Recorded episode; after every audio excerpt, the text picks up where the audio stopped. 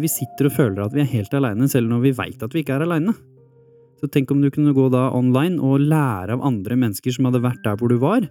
Men ikke bare det, de måtte også ha klart å komme seg videre, hvis ikke så blir det ikke noe nytte i det, følte jeg. Jeg gikk jo så ekstremt mye ned i vekt. Jeg veide jo sånn 38 kilo på slutten. Du må bare gjøre så godt du kan og prøve å gjøre det han sier for at du skal overleve. Vi mennesker har en tendens til å bli skeptiske når vi introduseres for ny teknologi. Den første telefonen, for eksempel, ble ikke mottatt med utelukkende entusiasme. Den eldre generasjonen var redde for å få elektriske støt, og svenske prester gikk til og med så langt som å kalle telefonen for djevelens instrument. TV-en ble beskyldt for å svekke både synet og intelligensen vår, og trådløst internett ble omtalt som en kilde til stråling og kreft, selv om det ikke fins noen pålitelige bevis for at dette stemmer. I dag snakkes det mye om hvordan internett og sosiale medier gjør oss mer ensomme og isolerte, som i verste fall kan føre til psykiske utfordringer. Men historien viser, gang på gang, at det ofte ikke er så mye hold i disse, ja, la oss kalle det katastrofetankene. I denne episoden skal du få høre om hvordan internett og sosiale medier kan bidra til å bekjempe nettopp psykiske utfordringer. Du skal få møte Jimmy Westerheim, gründeren bak verdens første livserfaringsbibliotek, The Human Aspect. Akkurat i dette øyeblikket her, så er det 300 millioner mennesker på verdensbasis som sliter med depresjon. Du har 800 000 mennesker som tar sitt eget liv hvert år, og du har 16 millioner mennesker som prøver. Takket være teknologi så kan vi da duplisere opp min historie fra når jeg satt i det treet og vurderte å ta mitt eget liv. Jeg var en av de 16 millionene.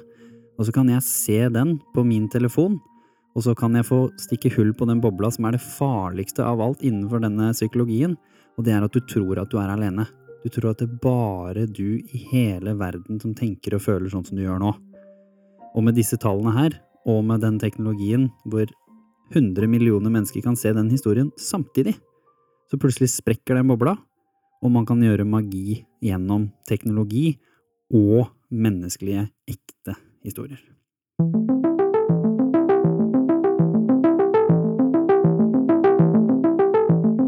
Du hører på Tech håp og kjærlighet. En podkast om mennesker som gjør verden til et bedre sted gjennom teknologi, innovasjon og gode ideer.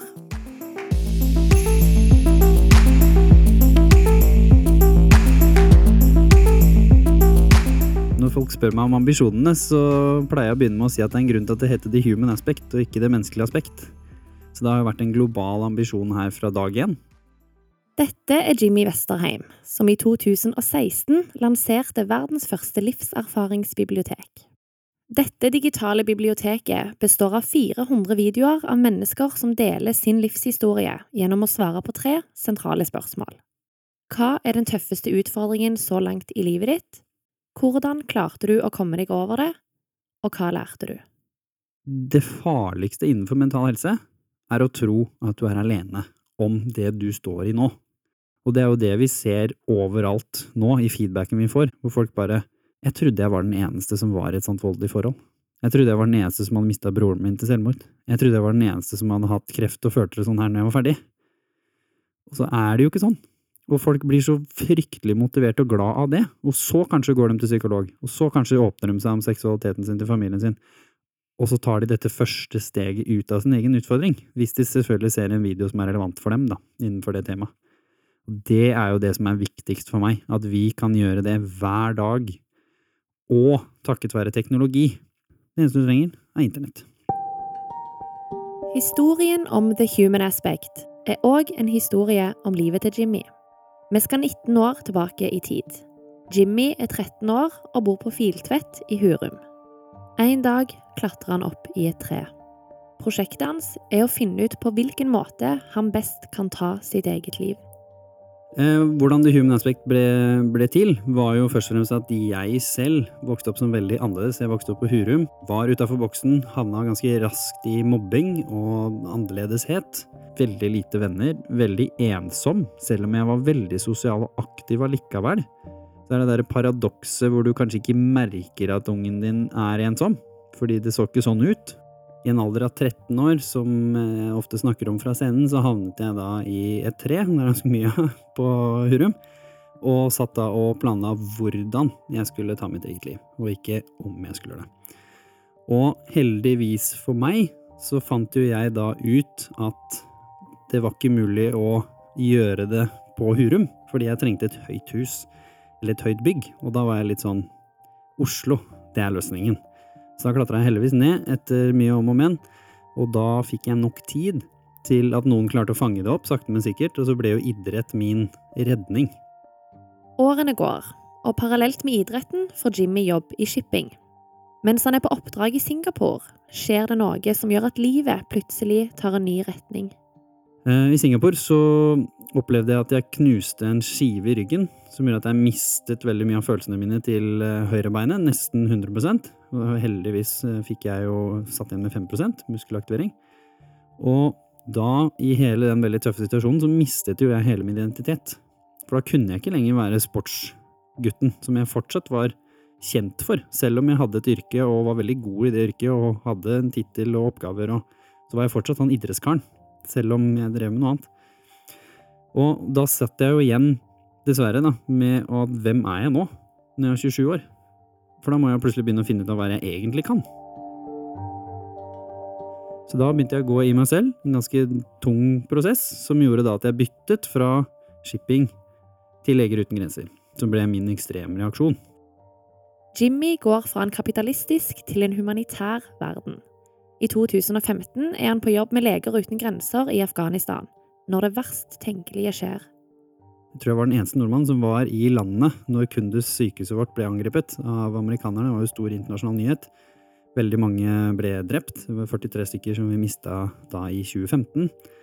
Og da var vi alle sammen på samme sted. Men vi snakka ikke sammen. Enda alle hadde opplevd det samme. Vi hadde jo alle mista noen, og hadde alle en eller annen form for relasjon både til de menneskene vi mista, og at vi nå… nå var vi ikke trygge. Og da begynte jeg å fundere litt sånn hvorfor er det sånn at hver gang vi går gjennom noe tøft, så klarer vi ikke å dele det, selv når vi har gått gjennom akkurat det samme. Da begynte jeg å tenke tilbake i livet også, når vi hadde mistet bestemor til kreft, så tenkte jeg det var jo egentlig akkurat det samme det var ingen som snakka ordentlig om det, egentlig, hvordan vi hadde det.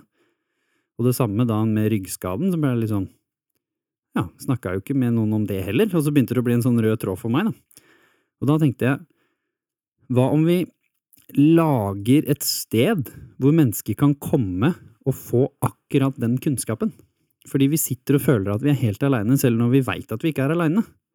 Så tenk om du kunne gå da online og lære av andre mennesker som hadde vært der hvor du var, men ikke bare det, de måtte også ha klart å komme seg videre, hvis ikke så blir det ikke noe nytte i det, følte jeg. Så de må også da ha svaret på hvordan har de løst situasjonen for seg, og enda viktigere, hva er det de har lært? Og da dukket jo disse tre hovedspørsmålene opp, som i dag er basen for det som er verdens første livserfaringsbibliotek, The Human Aspect. Ideen om The Human Aspect begynner å surre i hodet til Jimmy. Han drar fra Afghanistan til Hellas og kommer omsider hjem igjen til Oslo. Han har nå to måneder til rådighet før han igjen skal ut på oppdrag. Og jeg har ADHD, så jeg er ikke så veldig glad i, og som mosaikk-CV-en min eh, beskriver, så jeg er ikke så veldig glad i ikke han å gjøre. Så da startet jeg prosjektet. Da dro vi på gata, rett og slett, og testa å intervjue her i Oslo. Testa vi da å intervjue 30 random folk på gata. Så var jo den store hypotesen, klarer vi å få folk som og til å snakke om sin tøffeste livsutfordring til en person de aldri har møtt, for noe de aldri har hørt om. Får vi til det, så er det noe her. Og det klarte vi jo sånn sett eh, med glans, selv om videoproduksjonen var ubrukelig. Så var storyen veldig eh, god, og det ble da basen for det som i dag er The Human Aspect. Jimmy skjønner at han er inne på noe, og bestemmer seg for å satse. Så da gikk jeg rett til et digitalbyrå som jeg kjente gjennom noen bekjente, som heter Design Container. Og lederen der pitchet da prosjektet sammen med meg for resten av teamet, fordi de har pro bono-prosjektet hvert eneste år. Og de ble supergira, og da sa jeg ok, la oss lage verdens første livserfaringsbibliotek. De bare yes, let's do it. Og på to måneder så fikk vi da opp verdens første livserfaringsbibliotek aktivt live, da. 22. desember 2016 ble det jo lansert. I dag består The Human Aspect av 400 dybdeintervjuer med folk fra hele verden. Videoene har til nå blitt sett av titusenvis av mennesker fra 160 forskjellige land. Biblioteket i dag det representerer på en måte verden litt. Noe av det vi har mest av, det er sorg. Det er jo noe vi alle på et eller annet tidspunkt går igjennom. Vi mister noen. Og det, det har vi mest av. Og så har vi identitet, er det veldig veldig mye av, og det er en stor kategori. For det kan alt være multikulturell identitet, til at man har flyttet og at man sliter med identitet, til at seksuell identitet til, eller sånn som med meg, som bare følte meg annerledes. Det var, det var bare at jeg var født på feil sted, kanskje, eller eh, hvem vet. Og så har vi selvfølgelig de største mentale helsekategoriene som er der ute også, som er angst og depresjon. De har vi veldig mye på. Og så har vi veldig mye på fysiske ting som har en psykisk utfordring. Som for eksempel jeg mista beinet. Det var ikke nødvendigvis det å miste beinet som var den tøffeste utfordringen, det var alt det psykiske som følger med.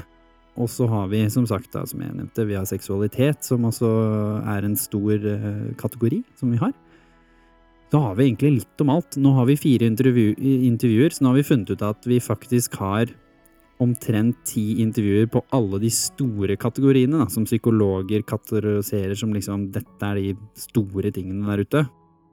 Et av bidragene til Livserfaringsbiblioteket er historien til Kine, som òg er den mest sette videoen på The Human Aspect i dag. Jeg møtte jo en mann som eh, jeg flytta sammen med, og det ble jo marerittet i livet mitt. Kine var i et voldelig forhold i ett og et halvt år. Først så var det jo greit, og så begynte det så smått å bli at han ble mer kontrollerende. Alltid skulle ha kontroll på hvor jeg var. Ga meg innetider. Og at jeg ikke kunne være så mye med venner og familie. Så begynte volden ganske fort, egentlig. Da var det først ett slag i ansiktet. Jeg ble så satt ut. Men gjennom hodet mitt så tenkte jeg bare at nå må jeg bli kvitt denne fyren. Fordi det er jo sånn man har hørt at hvis du blir slått én gang, så mest sannsynlig så vil han gjøre det igjen. Kine bestemmer seg for å avslutte forholdet, men er veldig redd for reaksjonen hun vil få. Og når helgen kommer, blir det enda verre. Det var masse slag og spark mot ansikt og kropp og hode.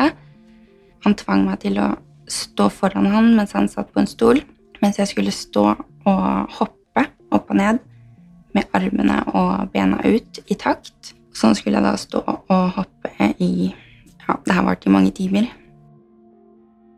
Så reiste han seg opp, og så måtte jeg knyte hendene på ryggen mens han tok bokseslag og spark i magen min. Jeg tenker at han her er virkelig farlig. Du må bare gjøre så godt du kan og prøve å gjøre det han sier for at du skal overleve. I hvert fall over helgen. Kine blir utsatt for fysisk, psykisk og seksuell terror, som gjør at du ikke tør noe annet enn å bli i forholdet. Underveis så fikk man jo også trusler om hva som ville skje hvis jeg fortalte det til noen. F.eks. at han kom til å binde meg fast og hente søsteren min på skolen og voldta henne foran øynene mine. Eh, at han ville utsette foreldrene mine for en ulykke. Og at han hadde folk over hele verden som kom til å finne meg. Det er jo ganske skremmende. Så har man jo hørt så mye dårlig om politiet i Norge. At alt bare blir henlagt. Jeg prøvde å google hva kan man gjøre, hvor stor straff kan man få, for å vite hvor lenge man eventuelt kunne være i fred. Det var jo nesten ingenting bra å lese. Det var ikke så veldig mye håp igjen til slutt. Mishandlingen fortsetter i ett og et halvt år, og utvikler etter hvert et fast mønster.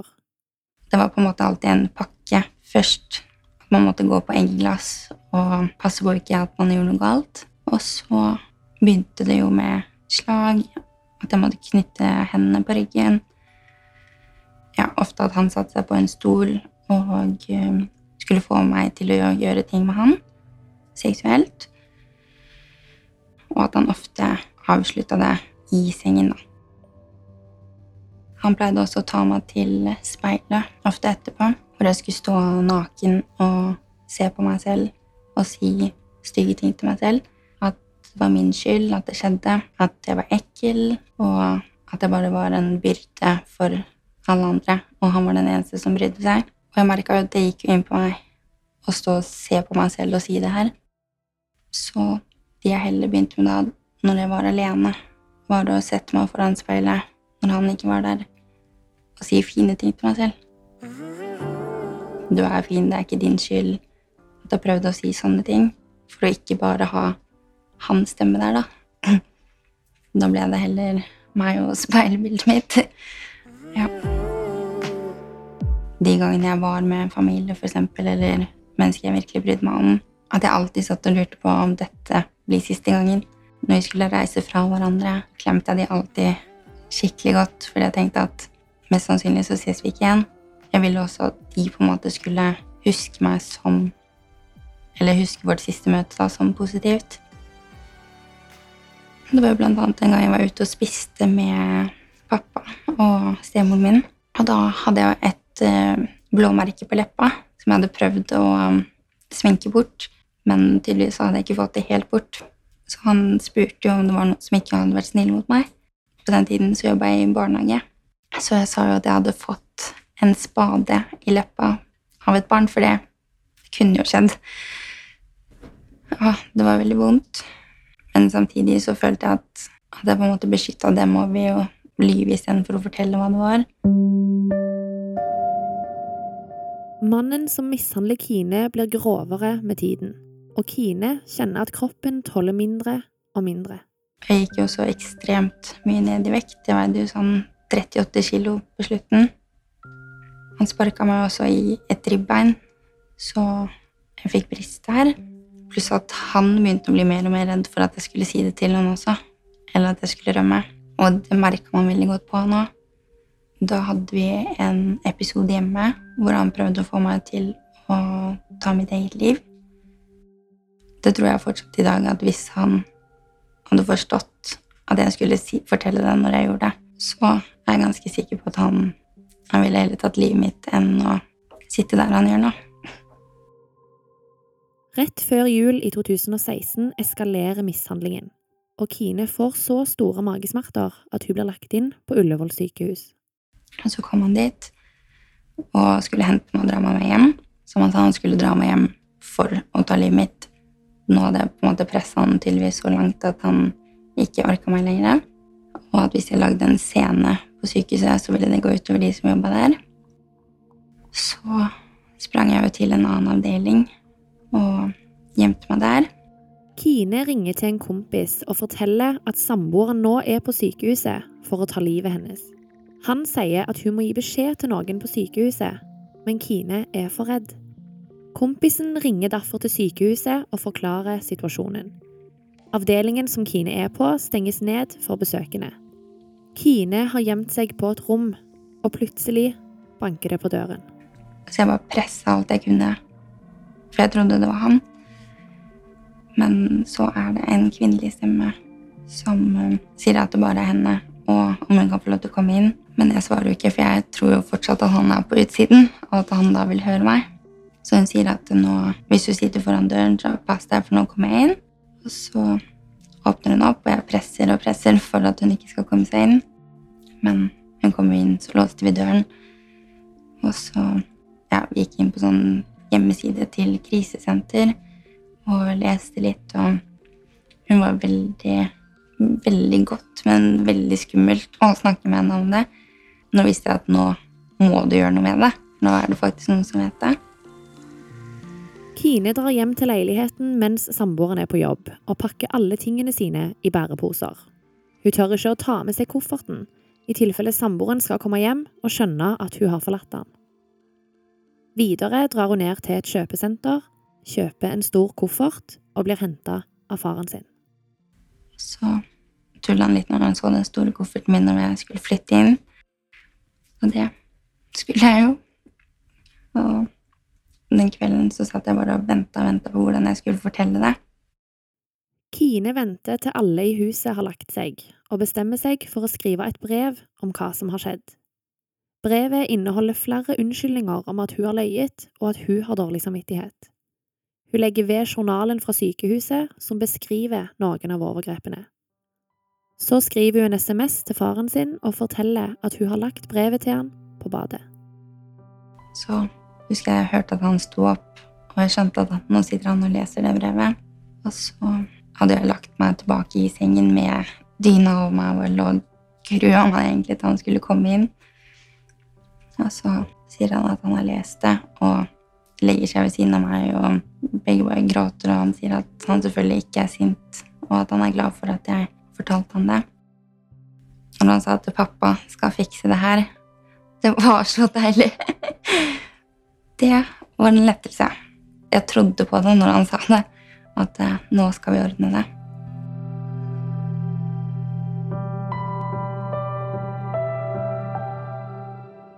Kine må gjennom fire rettssaker. Den første gangen hun må vitne, er òg den mest krevende. Husker jeg bare stritta imot, for jeg tenkte at dette går ikke. Jeg må trekke det tilbake. Jeg kan ikke gjøre det her. Advokaten min bare sa at jeg måtte puste ut, og så åpna han døra til rettssalen og dytta meg litt inn. Og da sto jeg der inne.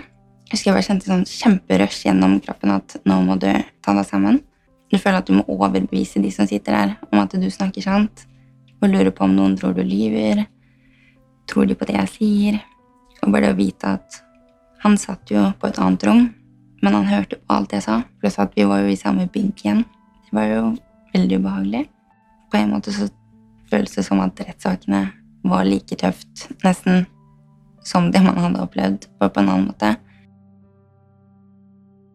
Det vil jeg si også, forresten, at jeg satt der inne litt når han forklarte seg. For jeg lurte veldig på om han skjønte hva han hadde gjort, om han hadde noe dårlig samvittighet. Men han hadde ingen av de tingene. Selv om det gjør vondt å se at noen ikke angrer på det de har gjort mot deg. Det gjorde det lettere for meg likevel, fordi jeg hele tiden hadde hatt en litt vond følelse for at jeg hadde gjort det her mot noen. Skulle sende de i fengsel, på en måte. Så sånn sett så syns jeg egentlig det var veldig greit. Når de fire rettssakene er ferdige, kommer endelig dommen. Det var jo Da var det jo jury. Jeg hørte han eh, lagdommeren si, eh, når han svarte ja på alle punkt, med mer enn syv stemmer, da Det var så god følelse. Jeg hoppa opp og tok ansiktet mitt inntil veggen, begynte å rope der inne omtrent, og alle bare gråt av glede. Det var en veldig god følelse.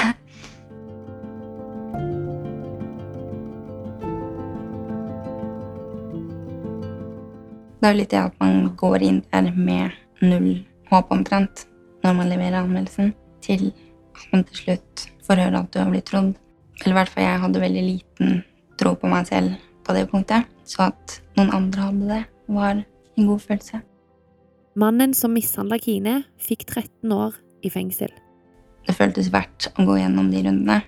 At nå vet jeg på en måte at han ikke kan røre meg eller noen andre da, jenter. Eller familien min på ja, i hvert fall 13 år. Kine har gått mye til psykolog i etterkant for å få verktøy til å komme seg videre. Og hun fortsetter med å si gode ting til seg sjøl i speilet. Hvis det er dager jeg føler at jeg hele tiden har stemmen hans i bakhodet, som sier stygge ting til meg, det er jo da å heller sitte og si fine ting og kjempe mot den stemmen hans. Det tror jeg egentlig er det aller nyttigste. Kine har følgende å si til de som er i en lignende situasjon som det hun var i. Det aller beste rådet jeg har, det er å fortelle det til noen. Det blir mer ekte, og det er på en måte ikke noe vei tilbake. Det å få sagt det en gang, det føles veldig godt. Og jeg er sikker på at det er den eneste måten man kan få hjelp på. En ting jeg gjorde selv, det var å gå inn på politiets hjemmeside og se på kampanjen deres Hvor lite, for å se på den sjekklisten som de har. For jeg trengte å vite om er det så ille som jeg føler det. Og hvis du kan krysse av på bare ett av de punktene, så vær så snill og snakk med noen. Jeg sier ikke at veien videre vil bli lett, for det blir den ikke. Men det vil bli bedre enn hvordan du har det nå. Det er den eneste utveien. Responsen Kine har fått, og fremdeles får, har vært overveldende. Mange som har sett klippet, har sjøl valgt å søke hjelp, og mange har sendt henne melding og takka. I dag jobber Kine i Vi tror deg, en stiftelse som jobber mot voldtekt, seksuelle overgrep og trakassering. Arbeidet går ut på å forebygge, avdekke, styrke rettssikkerhet og ivareta utsatte og pårørende. I tillegg jobber stiftelsen med å fjerne stigma rundt å føle skam og skyld. Kine oppfordrer folk i lignende situasjoner til å ta kontakt med Vi tror deg, om de behøver hjelp.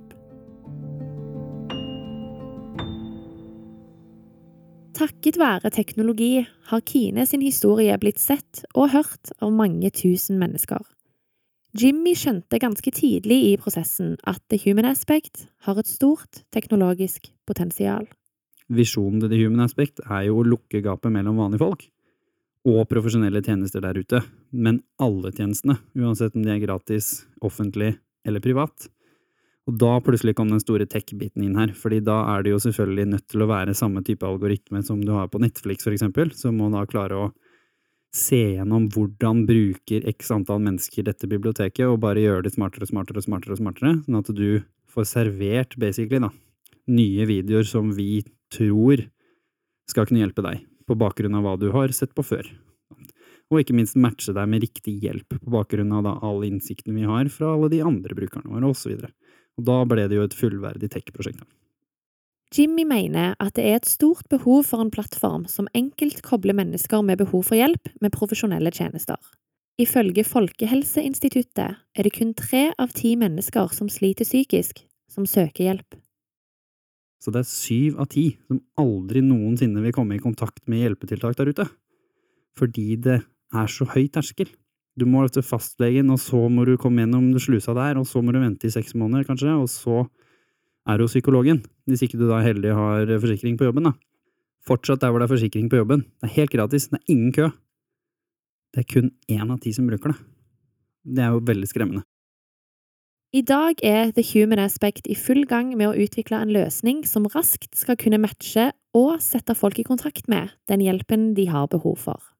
Jimmy forteller at han og teamet har store teknologiske ambisjoner en av hovedambisjonene for The Human Aspect er jo også å kunne by på innsikt, by på data, til fagmiljøene der ute som utvikler metoder. Du kan jo se for deg da, når vi har kanskje 5000 intervjuer, da, som er bygd på akkurat samme modell, så er det veldig enkelt for en AI å analysere de og finne trender. Trender som ingen andre der ute har som vi da kan tilby til forskermiljøer, til hvem nå enn miljøer der ute som faktisk trenger denne fagkunnskapen. Så det blir jo ikke noe åpen data. Da vil du ha sånne generelle trender åpent, akkurat som Statistisk sentralbyrå, og så vil du ha de dataene som er litt mer sensitive, for dette er mental helsedata, kun tilgjengelig for fagmiljøene, sånn at de kan slippe å gjøre en, altså en dybde intervjuundersøkelse av tusen mennesker, må du jo ha for at det skal være fagmessig, altså et forskningsprosjekt. Er enormt ressurskrevende. Sant? Vi er jo spesialisert på dybde videointervjuer. Så da kan de heller få altså dataen vår, da, tilgang til den, og så baserer de forskningsprosjektet sitt på 5000 intervjuer istedenfor på 1000. Og da sier det seg sjøl at det de får ut av det på andre enden, er jo mye bedre enn det de kan gjøre selv. Og så misbruker vi ikke ressurser der hvor folk egentlig ikke har kompetanse, da. Så det er virkelig en sånn stor ambisjon, som også selvfølgelig er global, og er også da en del av den bærekraftige businessmodellen til i human aspect, da, hvor skoler og forskere og folk har muligheten til å betale for dette, istedenfor å gjøre det selv. Hva som har gjort størst inntrykk på meg? Altså Nummer én, jeg har jo intervjuet 400 forskjellige mennesker. Det sier seg sjøl at det er det som har gjort størst inntrykk på meg, sånn eh, først og fremst. Men på toppen av det så er det hvor mange som har vært involvert. Det er veldig lett å sitte her nå å være grunnleggeren av the human aspect, og nå går det liksom bra, og nå er det mye som skjer, og vi er overalt. Men det er jo ikke jeg som har skapt alt det vi er nå. Vi er jo et team på 50 stykker av frivillige, flesteparten av dem, og noen få som får bitte lite grann betalt, takket være eksempel Kavli-fondet, som har vært vårt største bidrag økonomisk så langt. Og det er helt magisk at eh, så mange mennesker er villige til å putte ned tusenvis av timer de siste årene, og da for eksempel Good Morning og Design Container, som jeg allerede har nevnt, som gratis pro bono bygde dette her i sin tid. Det er jo det som virkelig gjør at jeg klarer å stå opp om morgenen. Jeg har jo fortsatt ikke hatt en feriedag på over tre og et halvt år. Det hadde jeg ikke klart hvis ikke jeg trodde at folk trodde på meg, og at dette faktisk er noe vårt team og tusenvis av mennesker der ute allerede nå hver måned bruker.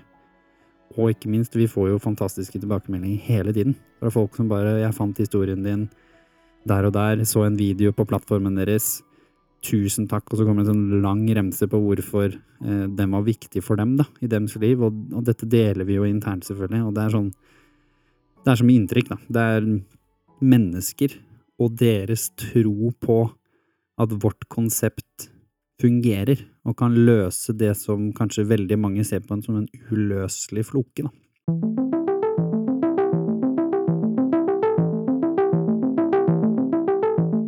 Du har hørt på Tech, håp og kjærlighet. Gå inn på kavlifondet.no for å lese mer om The Human Aspect og andre spennende prosjekter. Denne podkasten er produsert av Vrang Produksjon for Kavlifondet.